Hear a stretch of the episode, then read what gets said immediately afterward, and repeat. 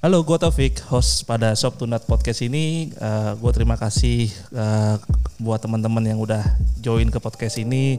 Dan ini podcast gue cerita kebanyakan sih tentang pengalaman pribadi, tentang dunia kerjaan, uh, dunia korporasi, bisnis dan investasi. Nah, gue juga mau ucapin terima kasih banget sama teman-teman yang sudah bisa pernah mampir dan sebelum-sebelumnya dan terus continue uh, mampir buat dengerin podcast ini. Semoga bisa menghibur dan menginspirasi teman-teman semua. Alright, nggak usah lama lagi, let's get started.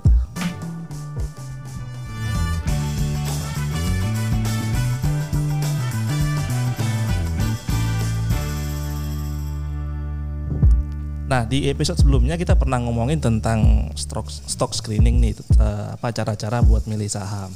Nah di satu sekian banyak metode yang gue pakai untuk filter-filter saham-saham emiten yang mau mana-mana mana-mana saham yang gue pilih uh, apa namanya saham-saham kesayangan kita. Nah di sini episode yang sekarang pun gue akan ngomongin lagi tentang stock screening pemilihan saham, tapi dari sudut pandang yang nggak terlalu apa ya, yang cukup mudah lah kita bahas. Nah gue nggak akan sendirian lagi, gue akan ditemenin oleh salah satu teman gue, salah satu rekan kerja gue.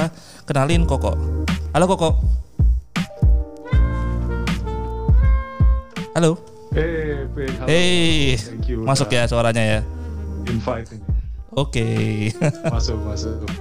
Pas lah. Ini sebenarnya mic lu bisa ini kok, nggak nggak terlalu digantung, bisa denger kok, tenang aja. Bisa ya. Sip, okay, sip, okay. sip. Eh kok apa kabar kok? Cuma mungkin ada lag sedikit ya, karena ini over over Google Meet juga. It's okay baik, baik, baik, It's bro. Uh, gimana kabar masih masih masih kerja masih WFH lah ya? Masih WFH dari bulan Maret belum ke mana-mana ini. um, kantor juga masih gitu-gitu aja. Masih okay. berusaha dengan challenge-nya masing-masing karena kita bisa ini lah ya nggak bisa benar-benar ketemu klien yang yang fisik gitu kan jadi ada beberapa kendala lah tapi kita berusaha survive Iya benar-benar. Ya maksudnya ini pun juga karena kan juga dari arahan dari pemerintah lah ya. Kita rata-rata kalau misalkan nggak berkepentingan masih WFA dulu nggak nggak ke kantor. Jadi iya. udah udah jarang ke kantor. Terakhir kantor kapan? Berarti udah udah lama berarti ya? Dari apa? Dari outbreak kemarin? Udah lama banget mungkin berapa? Sempet ke kantor sebentar uh, untuk ya ada urusan tender yeah. lah. Tapi itu juga jarang-jarang banget.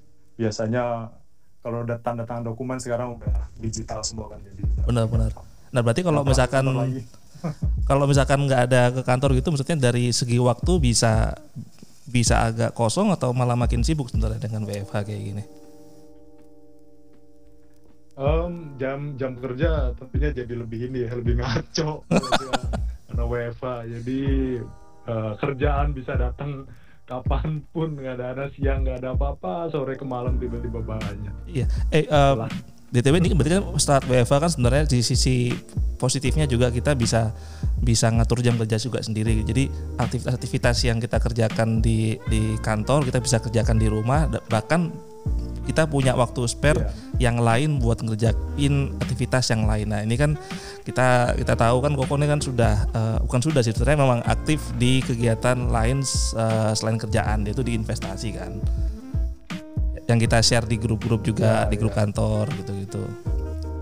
Eh, ini sebenarnya udah udah lama ya Mas Koko uh, apa betul, ya betul. Uh, di, nimbrung di investasi. investasi hmm. Sudah Betul, betul. Investasi memang mulainya pada saat pertama udah mulai kerja dulu dari awal cuma masih terbatas pengetahuannya. Jadi yeah. sekarang aja WFH uh, terus mulai mendalami jenis investasi yang lain yang di saham gitu ya. Iya, iya. Um, oh, di pasar modal ya. Tahu-tahu sedikit banyak tapi benar-benar terjun baru di pasar modal sekarang pada saatnya. Pas lagi ada masa-masanya. Benar-benar. Bisa buat jadi sambilan di ini ya selain dari kerjaan biasa ya. Iya betul betul. Jadi ngomongin tentang saham pasar modal, berarti udah familiar lah ya ini Mas Koko tipenya sebenarnya tipe yang investor apa yang yang trader sih? Um, kalau tipe sebenarnya tipe investor, investor yang uh, benar-benar nubuhin uang ya di situ ya. Yeah. nubuhin uh, apa namanya uang yang pasif yang lebih benar-benar lebih nggak kepake gitu. Dari diem aja taruh di instrumen investasi yang yeah. uh, kita harapkan bisa tumbuh ya. Nah, modal. Betul, berarti berarti kalau misalkan uh, sebenarnya dua-duanya itu nggak ada yang salah, dua-duanya benar juga. Mau yang tipe trader bisa, mau tipe investor bisa, hanya aja cara pemilihan sahamnya kan sedikit berbeda betul, karena betul. karena maksudnya ya punya point of view yang berbeda. Berarti kalau misalkan tipe investor lebih banyak analisis tentang fundamental berarti ya.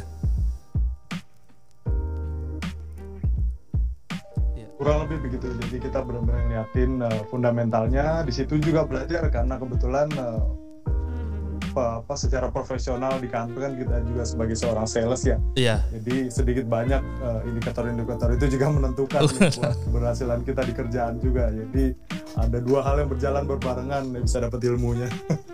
oh, berarti dari kerjaan kantor pun juga nyambung-nyambung juga dengan apa yang dikerjakan sama sama apa namanya pemilihan-pemilihan saham ini dari fundamental analysis. Betul, betul. jadi kita jadi tahu nih, wah performance perusahaan tuh sebenarnya kayak gini, bagus kayak gini, kurang gitu kan. Tapi kalau boleh boleh tahu gimana sih Mas Mas Koko buat milih saham kayak gini dari cara fundamental analisis itu salah satu yang dilihat apa aja uh, untuk untuk mau milih saham yang ini gitu, yang mana gitu. Ya. Itu well sebelum sebelum lanjut lah ini disclaimer on Iya iya iya pasti pasti. Kan tiap orang beda-beda kan subjektif banget soalnya. Sangka ngapa-ngapain. Iya iya iya. ini kan sharing aja ya betul. Tapi kalau gua sendiri uh, sudah mulai uh, apa namanya mengkoleksi sedikit ya. Jadi sudah mulai menyaring lagi lebih sedikit lagi saham pilihan yang memang tujuannya untuk dapat dividen. Jadi dividen uh, regardless okay. uh, dia naik turun harganya gua nggak peduli. Okay. iya gua nggak peduli. Yang penting dia uh, fundamental bagus dan sejarahnya hmm. uh, bertahun-tahun ke belakang dia selalu bagi dividen kurang lebih gitu. Ya oke ini ini mungkin buat teman yang belum tahu dividen ini kan kayak kayak apa namanya keuntungan yang disisihkan oleh perusahaan ketika dia ngambil untung eh, apa ketika punya untung berarti apa dividen ini uh, hasil untung yang dibagi uh, oleh perusahaan kepada pemilik saham ya apa kepada pemegang saham gitu kan ya. Jadi ini buat uh, yang belum tahu aja sih. Jadi dividen ini adalah kayak uh, hasil hasil untung dari perusahaan yang sebagian itu dikasih kepada pemilik uh, saham. Ya ya. Berarti memang Mang Mas Koko ngelihat saham yang sebenarnya rutin membagi dividen gitu ya. Betul, betul. Rutin membagi dividen dan juga salah satu yang gua pakai adalah saham-saham yang jualnya ke orang, orang banyak karena perusahaan yang mengincar oh, okay, uh, orang, okay. orang banyak produknya gitu ya. Dia oh, memang produknya. Oh, iya, iya. pasti bisa grow karena produknya ya karena yeah. memang uh, yang bertumbuh setiap tahun kan salah satunya populasi ya populasi uh. itu pasti tumbuh jadi market mereka juga pasti tumbuh ya kurang lebih gitulah gampangnya kan kayaknya ntar habis corona nih banyak yang lahiran baru nih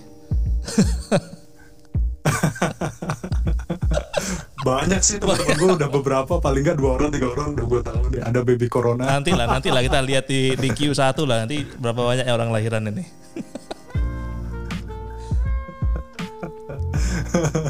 Terus, uh, uh, yeah, buat yeah, buat yeah. milih milih saham tadi yang dia bagi dividen itu tahu dari mana mas? Maksudnya kan kita nggak tahu si perusahaan itu apakah bagi apa enggak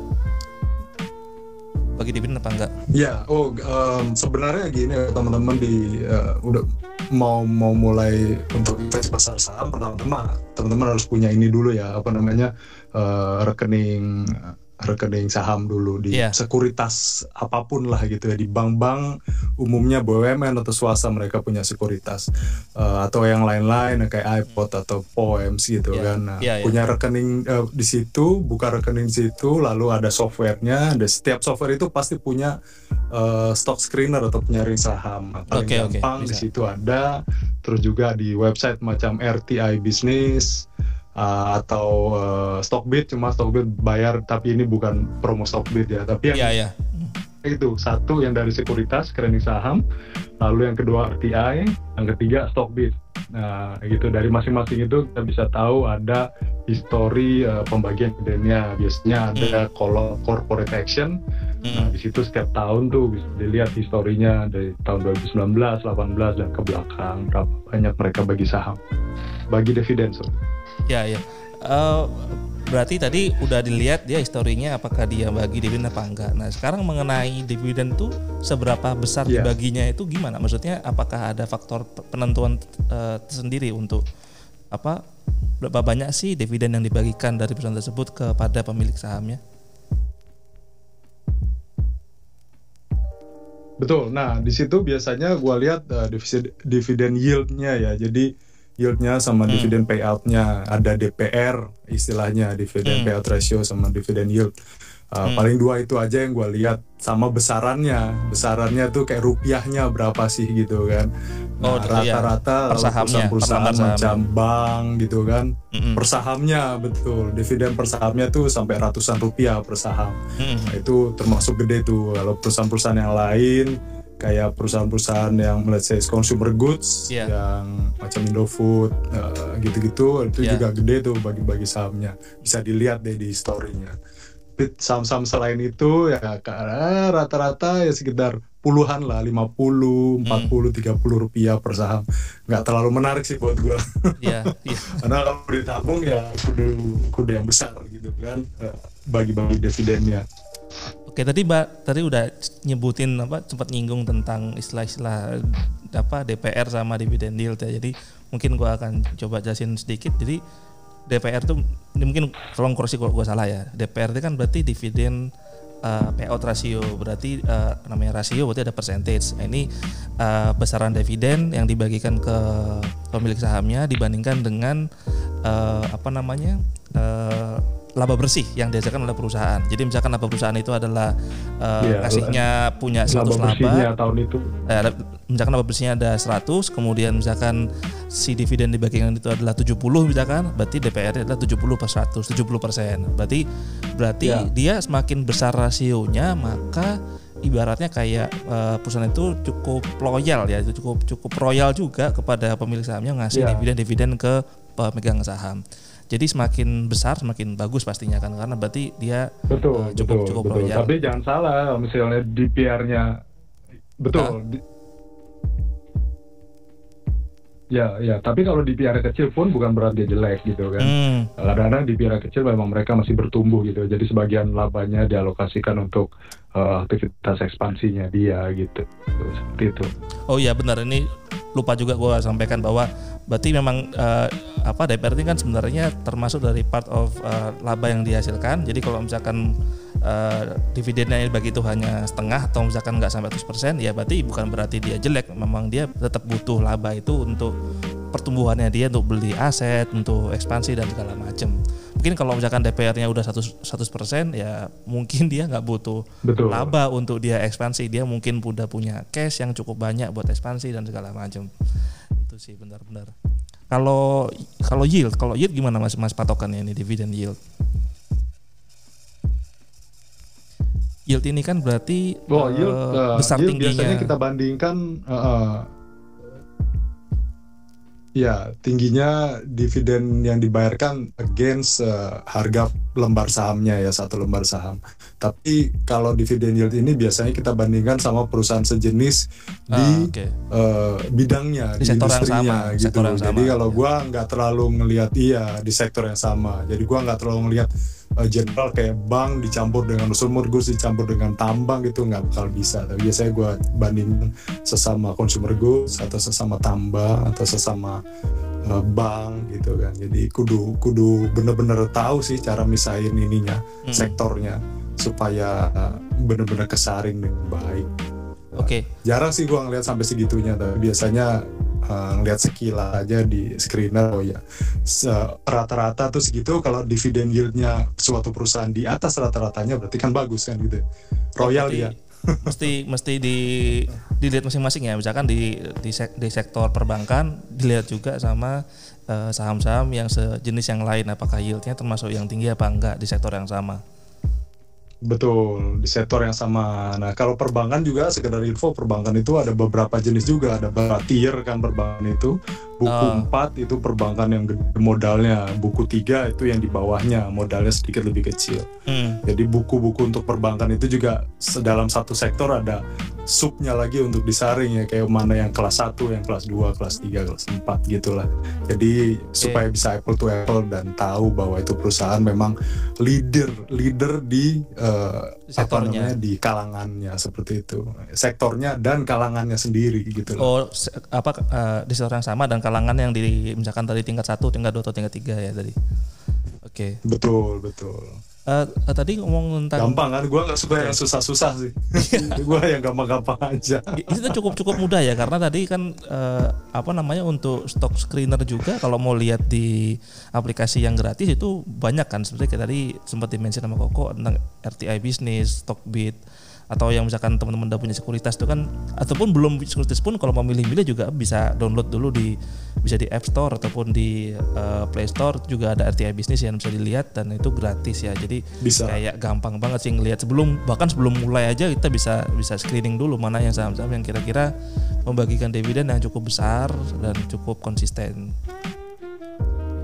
Betul betul. Benar-benar. Tuh paling uh, gampang udah. ya kalau yang di ini ini naik beneran ini kalau misalkan di RTI bisnis kita bisa lihat kayak dari tahun ke tahun nggak ya? Dia apakah bagi apa enggak gitu? Atau mesti masuk ke uh, sekuritas ya? Maksudnya uh, kan pengennya nggak cuma Bisa. lihat dari DPR ataupun dividen yield tapi ya pengennya juga konsisten karena ini yang saya tahu juga dividen kan sebenarnya nggak wajib untuk uh, membagikan kepada pemegang sahamnya. Misalkan memang saham tertentu memang butuh uh, modal, jadi labanya itu nggak dibagikan ke ke pemegang sahamnya, tapi malah diambil sendiri emang untuk dia ekspansi gitu. Bukan berarti dia jelek, hanya aja dia nggak bagian dividen. Berarti kan ada perusahaan-perusahaan yang sebenarnya nggak membagikan nggak membagikan saham pada tahun tersebut kan? Ya, Betul. Kalau di RTA bisnis yang free ya biasanya yeah. di apps atau di uh, websitenya itu ada di corporate actionnya. Yeah. Di tab corporate action diklik, nah tuh tuh ada history pembagian uh, dividennya. Uh, jadi kita bisa lihat dengan mudah apakah dia setiap tahun konsisten membagi. Oh itu history dan tahun ke tahun juga ada ya tahun-tahun sebelumnya ya.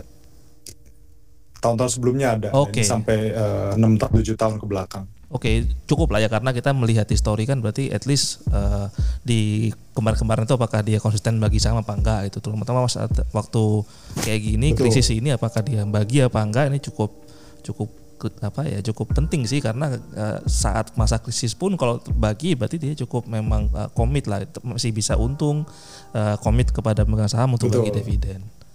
Benar-benar. Betul betul. Teman-teman juga uh, harus hati-hati ya. Memang uh. di, sebelum 2020 ini kita bisa lihat historinya, tapi 2020 gua rasa harus melihat sebagai apa pemakluman kalau memang dia nggak bagi dividen, memang kondisi sekarang lagi susah gitu kan. Jadi jangan salahkan perusahaannya nggak bagi dividen. Perusahaannya tetap bagus gitu loh, tapi mereka choose untuk keep cash mungkin gitu kan untuk menjaga supaya tetap running perusahaannya dan kita appreciate itu. Kita harus itu bukan berarti itu jelek gitu kan.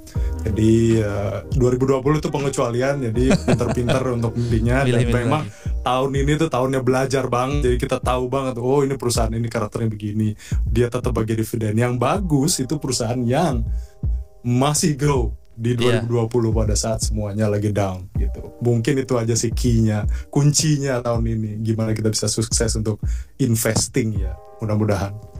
Oke, jadi ngomongin tentang kunci berarti memang nggak cuma dividen yang kita lihat ya, pasti banyak analisis yang kita pakai untuk memperkuat uh, opini kita uh, kapan dan apakah memang saham ini tepat apa enggak untuk kita pilih untuk menjadi uh, apa namanya buat tabungan kita ke depan gitu. Jadi nggak cuma dari dividen doang.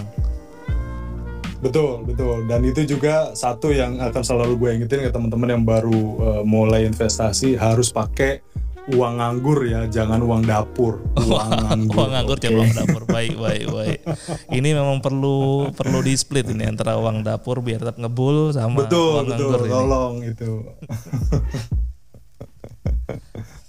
Oke, Mas Koko. Banyak uh, sih, banyak sih. Uh, siap uh, apa? Kita omongin kalau memang ini apa namanya mau ngebahas lebih panjang, tapi ya kurang lebih banyak banget, biar banyak gampang banget kita dan biar yakin gampang. gitu kan. Uh. Biar nggak terpengaruh sama fluktuasi harga. Betul, memang banyak banget sih yang kita bisa bahas nih, apalagi kita ngomongin tentang fundamental analisis kan banyak faktor-faktor yang kita akan bahas, banyak faktor-faktor uh, apa rasio-rasio yang kita bahas. Dan memang kali ini kita coba fokus yeah. dulu di tentang dividen.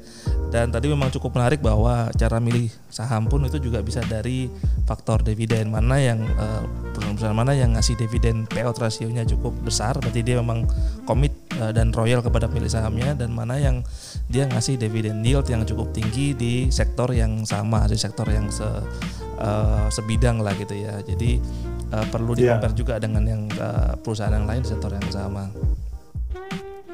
Iya betul Oke, Mas Koko, uh, kita ntar sambung lagi di episode selanjutnya. Semoga kita ntar bisa ngobrol lagi ngomongin hal yang lain. Bisa bersambung nih ya. Bisa bersambung banget ini ntar banyak topik ini. berikutnya ya. Part berikutnya. Oke, okay, gua mau introduce dulu. Thank you Mas Koko, sampai ketemu lagi dan tunggu teman-teman sampai ketemu di episode selanjutnya. Gue Taufik, bye bye.